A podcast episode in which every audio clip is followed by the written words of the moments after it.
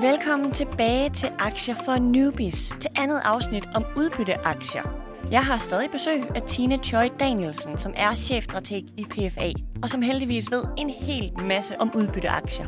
I sidste afsnit der talte vi om fordelene ved udbytteaktier, og også om, hvordan man rent praktisk forholder sig til udbytteaktier. Men i det her afsnit, der kunne jeg godt tænke mig, at vi bliver lidt klogere på, hvordan vi rent strategisk skal bruge vores udbytte. Fordi det helt store spørgsmål, det er jo, skal vi geninvestere udbyttet? Og i så fald, hvordan gør vi det? Det vender vi i det her afsnit. Velkommen tilbage til Aktier for Newbies med Camilla Michelle Mikkelsen og Tine Choi Danielsen.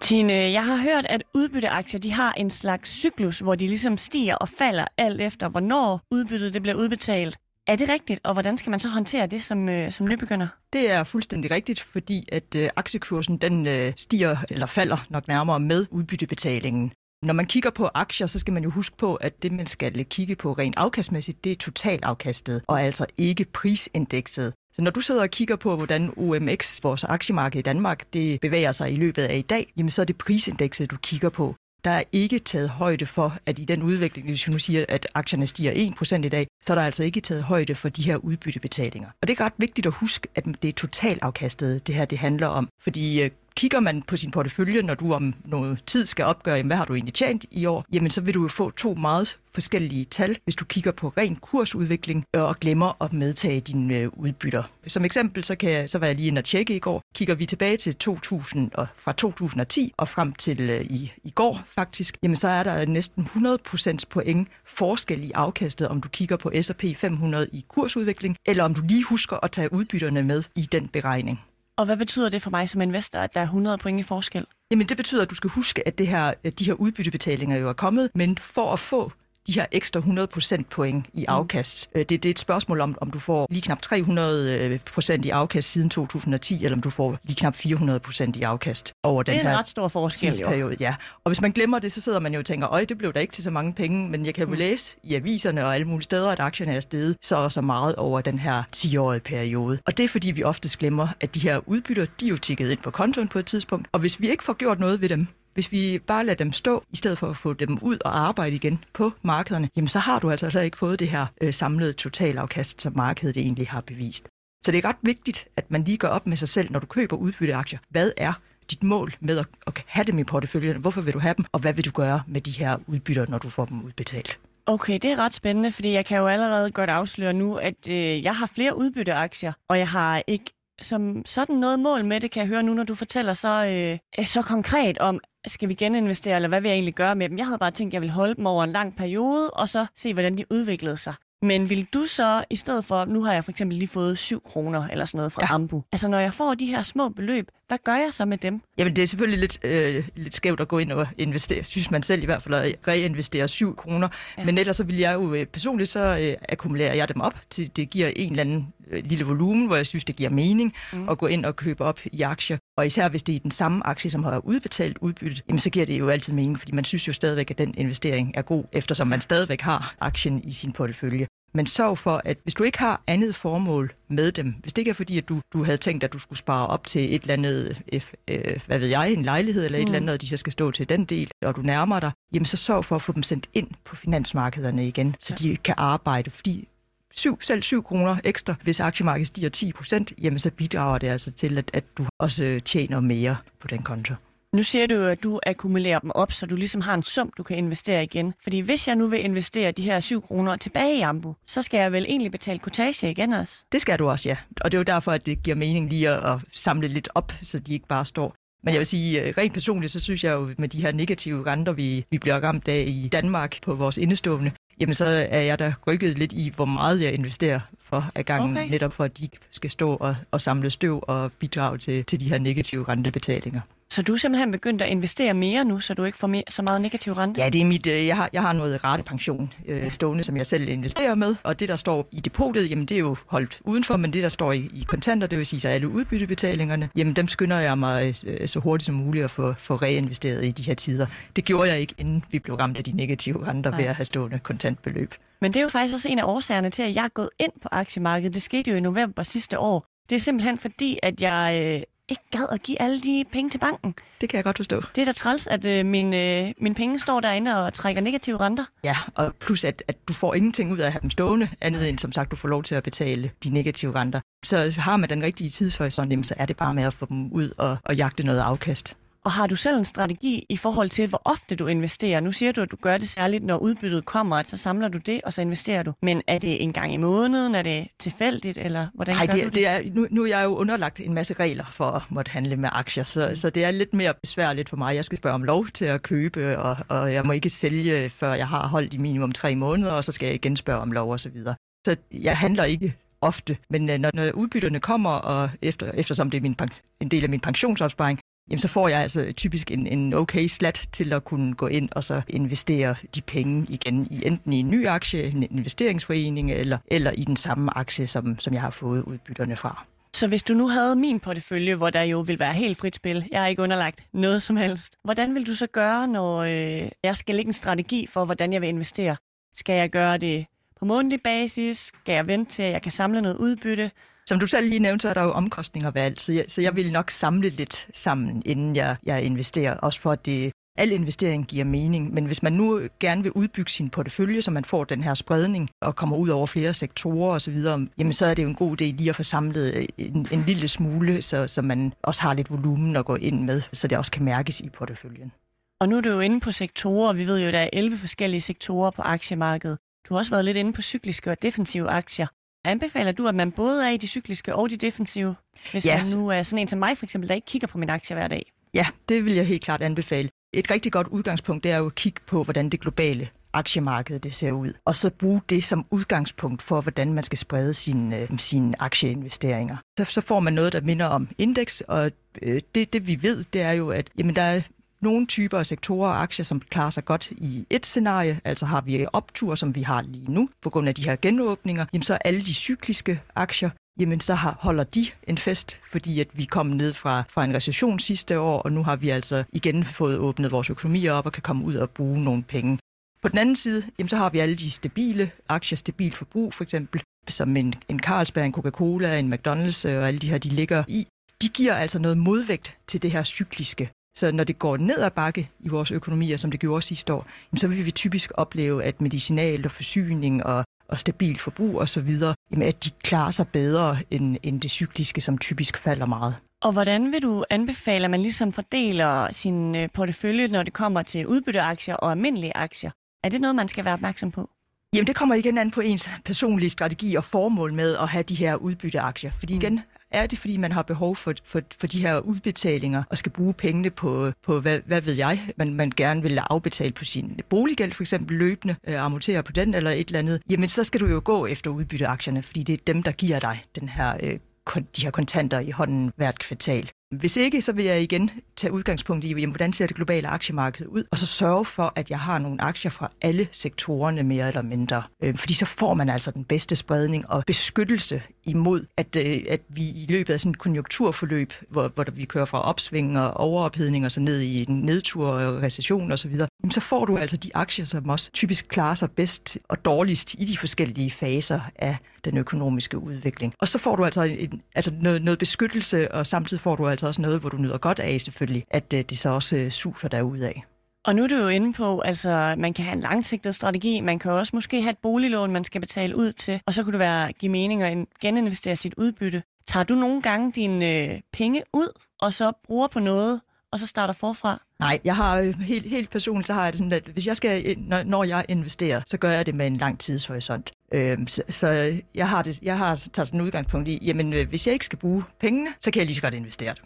Ja. Og derfor så er jeg ikke den type, som hopper ud og ind af markedet, og jeg, jeg har selv, jeg, jeg har stort set aldrig solgt noget. Okay. Øh, det, og du fortalte mig jo lige inden, du har været på markedet i 21 år. Ja, det har jeg. Okay, har du aldrig solgt noget? Jo, jeg, jeg har solgt lidt, men, men jeg har en, øh, en køb- og behold-strategi, fordi at jeg tænker på pengene som noget, jeg skal leve af, når jeg engang går på pension. Fordi mm. kan, jeg undvære dem, kan jeg undvære dem nu, jamen så kan jeg også undvære dem i morgen om, ja. om fem år. Øhm, og så, og så øh, giver det meget mere mening for mig at, at have dem investeret, og så tjene, tjene lidt på dem. Og Tine, et af de spørgsmål, som mange jo nok sidder med, det er selvfølgelig, hvor meget kan man tjene på udbytteaktier? Altså, hvor meget kan man som ny investor forvente at kunne tjene på, på udbytte, for eksempel årligt? Jamen der er vi tilbage i, at øh, hvis du kigger på udbytteprocenten, igen øh, udbytterne i, øh, i forhold til aktiekursen, jamen så får du en indikation af, det, det, du kan oversætte det lidt som en rente af, at du køber den her givende aktie. Og, mm. og der kan du, der ved vi ved gennemsnitligt, jamen der har vi ligget på de her 2,5 til 3 procent, hvis vi kigger en, en ja, histori, historisk øh, tilbage på det. Så det, det kan du forvente. Og øh, det skal du jo holde op imod. Jamen, hvad kan du få i rente på øh, at have kontanter stående i banken, eller hvad kan du få i rente på at investere i en, en statsobligation for eksempel? Kan man sammenligne det lidt det her med, at man ved jo, at markedet cirka stiger 7% årligt? Ja. Hvad har det her betydning for mine udbytteaktier?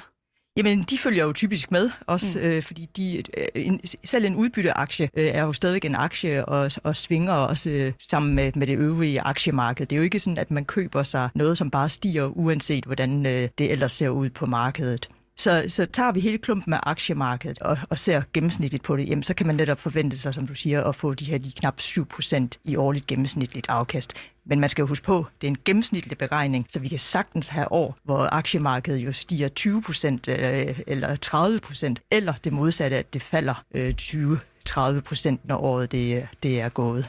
Er der nogle år, du særlig husker, hvor det bare har faldet helt vildt? Ja, jeg vil sige, at sidste år var jo, var jo rigtig spændende. Der, mm. der fik vi et kæmpe dyk øh, i, i marts måned på lige knap 30 procent, og ellers så skal vi jo helt tilbage til, til finanskrisen, som var, 08, ikke? Ja, som var rigtig hektisk, og hvor, mm. hvor aktiemarkedet jo tog øh, lidt over et år, før det kom tilbage på samme niveau, som inden krisen den ramte os der er det gået noget hurtigere den her gang, og det gør det jo endnu mere spændende og sjovt. Men igen, man skal huske på, i de her situationer, jamen der er det altid en god idé at have den her brede portefølje, altså øh, have en eksponering til alle typer af aktier og sektorer, øh, fordi der er altid nogen, der klarer sig bedre end andre, også selv i et, når vi snakker om et, et faldende marked, så er der nogen, der falder med lidt mindre end, end andre. Så der får man altså lidt modvægt øh, til at klare de forskellige konjunkturforløb. Der er jo 11 sektorer inden for aktier, og her i programmet har jeg lært, at du har faktisk også selv været inde på det, at det er meget smart at sprede sig ud over de her sektorer. Er der nogle sektorer, der giver mere sådan strategisk mening at sprede sig ud over end andre? Nej, ikke strategisk. Øh, det er jo, det er jo dit langsigtede udgangspunkt. Mm. Men hvis du gerne vil bevæge dig op og ned, helt afhængig af, hvordan du forventer, at verdensøkonomien skal udvikle sig. For eksempel kigger vi her på 2021, hvor vi er i et opsving, og vi forventer, at det skal fortsætte resten af året. Jamen, så er det jo en god idé at ligge i de mere cykliske aktier, fordi det er dem, der nyder godt af, at øh, vi får genåbnet, vi kan komme ud og bevæge. Altså alle de her, som blev rigtig hårdt ramt af corona-nedlukningerne mm. sidste år. Det er også dem, der er steget mest her i 2021. Hvad kunne det for eksempel være for en aktie? Jamen det er jo især, hvad hedder det, nogle af de cykliske aktier som autoindustrien, mm. hvor bilaktierne, de jo de led virkelig hårdt sidste ja. år, men er storstedet siden, uh, siden vaccinenyhederne kom, fordi det øh, gav jo en forventning om, at så kan vi komme tilbage til normale tilstande. Noget andet, det kunne jo være rejseaktier, altså alt det, der er relateret til turisme, som jo også har lidt og stadigvæk lider, fordi at øh, virusen jo ikke er forsvundet, og vi nu kæmper med den nye Delta-variant. Men der er absolut et stort potentiale, for de har slet, slet ikke indhentet det tabte. Så sådan noget som flyaktier eller selskaber, som udvikler øh, IT-systemer til rejsebookninger og så videre, kunne, kunne være interessante. Altså det kunne godt være, at nu man måske skulle begynde at træde ind på Norwegian eller SAS, hvis man er rigtig rowdy, fordi så kunne det være, det går opad. Ja, jeg, der, jeg kender mange, som stiller mig, der, der, der stiller mig det spørgsmål. Og jeg tror, man, man skal også ja, rent intuitivt, så vil det, og vi kan også se på de øh, nyhedsstrømme, der kommer fra de her selskaber, at antallet af passagerer jo stiger ganske kraftigt. Mm. Men der skal man altså huske på, at vi også kommer fra stort set ingenting, øh, når vi måler det i forhold til sidste år. Jeg tror, at øh, her skal man bruge sin, lidt sin sunde fornuft, fordi absolut, ja, der er et stort øh, potentiale, at, at de her flyaktier kan komme tilbage. Men der bliver man altså lige nødt til at sætte sig ned og så tænke over, hvad betyder alt det her corona for, øh, og også nu det her med hjemmearbejde osv., og, og vi kan gå på teamsmøder, øh, så vi ikke rejser helt så meget. Hvad betyder det egentlig på den lidt længere bane for flyselskaberne? Og så skal man huske på, at de lige nu har en overkapacitet af fly, som, øh, som jo ikke er i luften. Så hvornår er det egentlig, at selskaberne begynder at kan blive øh, rentable igen? Mm. Til gengæld så vil jeg sige, at der er nogle andre, et, et selskab som Samsonite, der laver kufferter, de led også et stort dyk sidste år, fordi at al rejseaktivitet blev lukket ned. Men vi oplever jo, at vi rejser indenlandsk. Så der er stadigvæk behov for, at man skal have kufferter og tasker og alle de her ting, som, øh, som sådan et typisk ah, selskab producerer. Så skulle man måske hellere kigge på den måde på at finde noget, der er turisme-relateret. Ja, for de har stadigvæk klaret det godt, så, fordi vi stadigvæk skal bruge det til at rejse, ja, hvis jeg nu skulle til Aalborg. Lige præcis. Der er det lige meget, om, om du skal flyve over Atlanten eller ej, mm. så har du stadigvæk behov for, egentlig for, for en ny kuffert på et eller andet tidspunkt. Det giver mening. Hvordan fungerer det så, når man har fået udbetalt sit udbytte? Altså for eksempel de her 7 kroner, jeg nu snakket om fra Ambo før. Er der noget, jeg skal være opmærksom på i forhold til at skulle indrapportere i forbindelse med skat, eller sker det automatisk? Det sker automatisk, i hvert fald i de steder, hvor jeg har, har mine investeringer placeret. Vi har jo, de fleste banker beregner jo alt skat øh, for dig, mm. så det er primært, hvis du fraflytter landet, at du skal tænke over og, og gøre dine øh, beholdninger øh, op og sørge for at få betalt den skat, du skal i Danmark, inden du flytter til udlandet. Men altså fungerer tingene her i Danmark øh, ganske, ganske smidigt. Ja, så uanset om man investerer gennem sin bank eller over en af de her apps, øh, eToro, Nordnet, Saxo, så skal man ikke tænke på skatten. Nej, jeg tror, det er der, hvor man... Og, og nu snakker jeg lidt uden, at jeg egentlig ved det, men, men hvis man er, handler via en udenlandsplatform, så er der formentlig nogle andre regler. Men så længe du er, i, på det, bevæger dig inden for det danske, hvor, hvor der, der, så har de styr på reglerne og sørger for at indberette tingene. Men det tror jeg faktisk, du har ret i, fordi Sara Ophelia Møs, der jo er founder af Ophelia Invest, hun fortalte, hun havde brugt Denero, som er en hollandsk platform. Ja. Og der var nemlig nogle skatteting, man skulle være opmærksom på. Det er der nemlig, fordi vi har nogle aftaler på tværs af lande, hvor man, hvordan man betaler, betaler skat. Øh, ja. Det samme gælder jo, hvis vi køber en amerikansk aktie som dansker, mm. jamen, så er der altså også nogle andre skatteregler, man lige skal have styr på i forhold til det. Okay, nå, men det er meget godt at vide, fordi altså, særligt tech har jo været helt vildt populært øh, de ja. seneste år. Og der kommer meget af det jo fra USA. Det gør det. Så hvad betyder det, hvis jeg nu går ind og investerer i, øh, i Apple eller Microsoft? Jamen, øh, så er der jo nogle, vi har en skatteaftale som stat med øh, øh, USA, og øh, din bank vil oftest også være behjælpelig med at sørge for, at, at de øh, betalinger de bliver gennemført okay. øh, korrekt. Når man kigger på alle investeringer, så er der jo en risiko. Altså fonde, de har for eksempel lavere risiko, fordi man jo er spredt ud over mange selskaber, mens kryptovalutaer har en enormt høj risiko, fordi markedet simpelthen ikke er reguleret endnu. Kan man sige, at udbytteaktier er mere risikable i forhold til andre investeringsformer, eller hvordan vil du vurdere risikoen på udbytteaktier? Nej, hvis, hvis du tager øh, udbytteaktier i forhold til resten af aktiemarkedet, jamen så giver de som sagt øh, i, i naturens forstand den her lidt mere, det er selskaber, som har den her lidt mere forudsigelige indtjening og afkast, eller ud, udbyttebetalinger og afkast. Så de giver noget stabilitet i forhold til øh, for eksempel cykliske aktier, altså for eksempel øh, veje forbrugsgoder, biler og øh, luksusting, som vi kun køber, når det går rigtig godt. Mm. Der kan du være sikker på, at vi skal have toiletpapir og tandpasta og alt muligt, uanset om det regner eller sner eller stormer eller hvad det gør. Så der får du lidt stabilitet, men som sagt, der findes ikke ret mange aktier, som, som stiger, hvis vi oplever sådan et fald, som vi gjorde sidste år, hvor markedet det dykker en, en 30 procent. Så ryger alt altså med ned, men der er bare noget, som falder mindre end nogle af de andre. Så risikoen er stadigvæk den samme. Mm. Aktier, de svinger, og det gør de altså på daglig basis, og det skal man selvfølgelig være forberedt på. Ja, så det handler snarere om, at uanset om det er udbytte eller ej, man skal vurdere defensivt versus cyklisk. Ja, når du er i din aktieportefølje, så kig på det, det på, på alle sektorerne simpelthen, og så sørg for at have en god balance mellem, det, mellem de her ting her. Mm.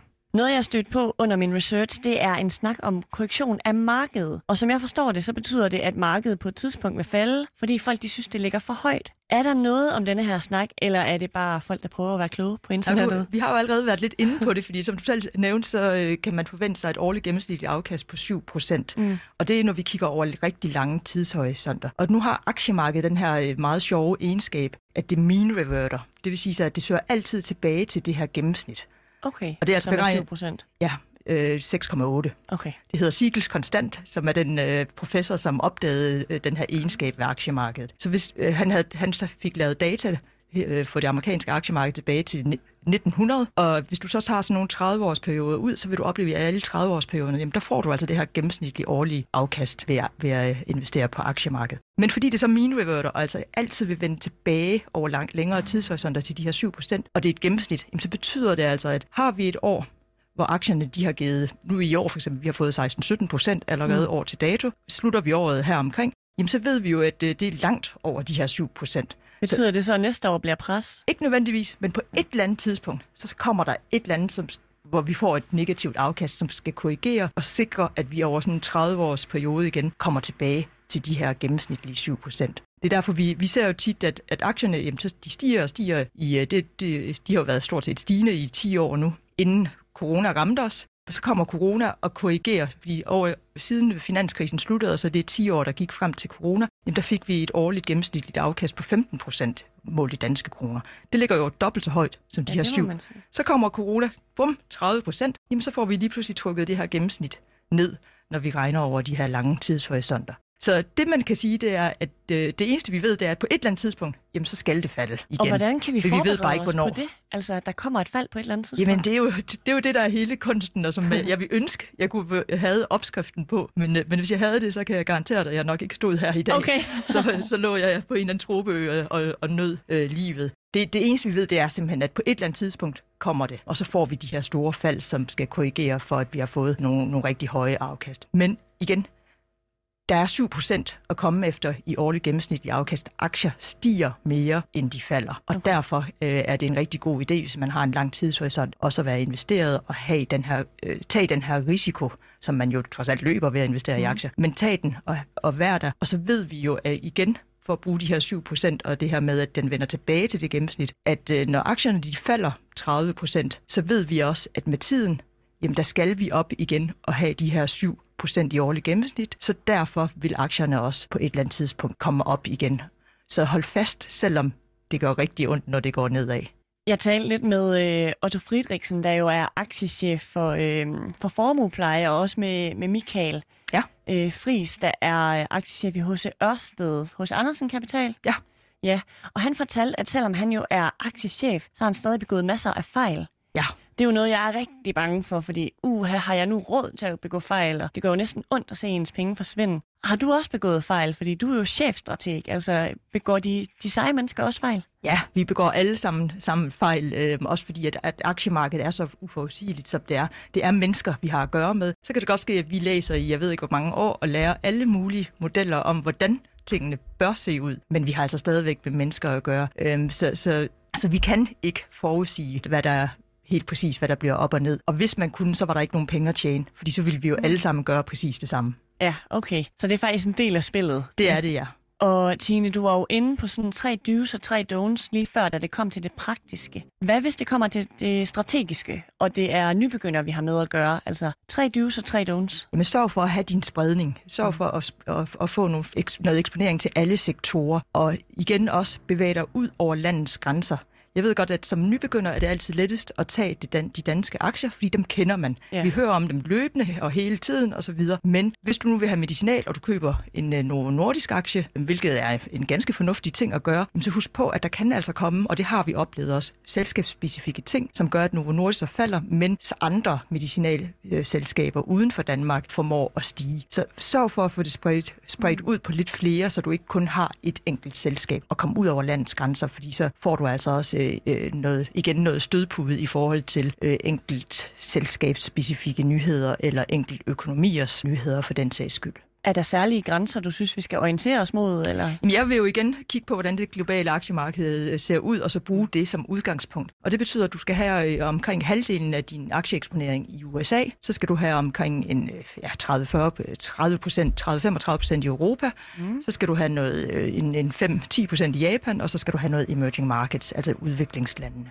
Og det skal være Japan specifikt. Det kan ikke bare hedde Fjernøsten. For Det kunne det også godt Okay. være. Øh, der, der behøver man ikke at være så specifik, men, okay. men, men der er lidt forskel på, på aktiemarkederne og, og hvordan de er sammensat. Men hvis du får den her spredning ud over landegrænser, også øh, ud over forskellige lande, jamen, så får du også automatisk noget spredning over for de sektorer, fordi alle lande er forskelligt sammensat med, hvilke typer af selskaber er det, der fylder mest på aktiemarkederne. Og så bare lige her til sidst, altså, øh, fordi nu siger du, spred dig ud, både over sektorer, men også over landegrænse. Hvad skal vi holde os helt fra? Altså, hvad er et don't? Jamen, øh, nu, nu arbejder jeg jo for en virksomhed, hvor, hvor vi har meget fokus på øh, hvad hedder det, bæredygtighed. Mm. Og det kan selvfølgelig være en af de faktorer, man også øh, som ny investor har med ind i sine investeringsovervejelser. Og der skal man selvfølgelig, for eksempel hvis det er klimaet, man, øh, man har fokus på, jamen så skal du jo selvfølgelig gå efter de selskaber, som, øh, som øh, bidrager til hele omstillingen ja, fra sort energi til, til mere grøn energi. Og så vil mange formentlig øh, vælge at ikke at have en eksponering til energisektoren. Men igen, det, det er jo de personlige overvejelser, man skal gøre sig, fordi at energisektoren fylder trods alt omkring en 6-7 procent, mener jeg, af det globale aktiemarked. Så der mister man altså lige, lige lidt i forhold til, øh, hvis du så kigger på, jamen, hvordan har globale aktier klaret sig, jamen, så uden den eksponering, jamen, så vil du ikke nødvendigvis ligge det samme sted. Og det skal man jo bare være klar over. Men jeg har det sådan lidt, man har alle de frie øh, muligheder hen, og det, det, man har lyst til at investere i. Man skal bare hele tiden gøre sig klar over, hvad er det egentlig, din strategi er. Fordi så bliver du ikke overrasket, hverken positivt eller negativt, hvis du ellers har styr på, hvad er det helt præcis, jeg har gjort, og hvorfor har jeg egentlig gjort det. Og det var altså alt, vi nåede for den her gang. Tine Choi Danielsen, chefstrateg hos PFA. Tusind tak, fordi du gjorde mig og lytterne klogere. Velbekomme. Det var en fornøjelse. Det var alt, vi nåede for den her gang. Jeg håber, at du er blevet meget klogere på udbytteaktier. I hvert fald så vil jeg gerne sige tusind tak til Tine Choi Danielsen, chefstrateg i PFA. Det her, det var Aktier for Newbies, og mit navn, det er Camilla Michelle Mikkelsen. Tak, fordi du lyttede med.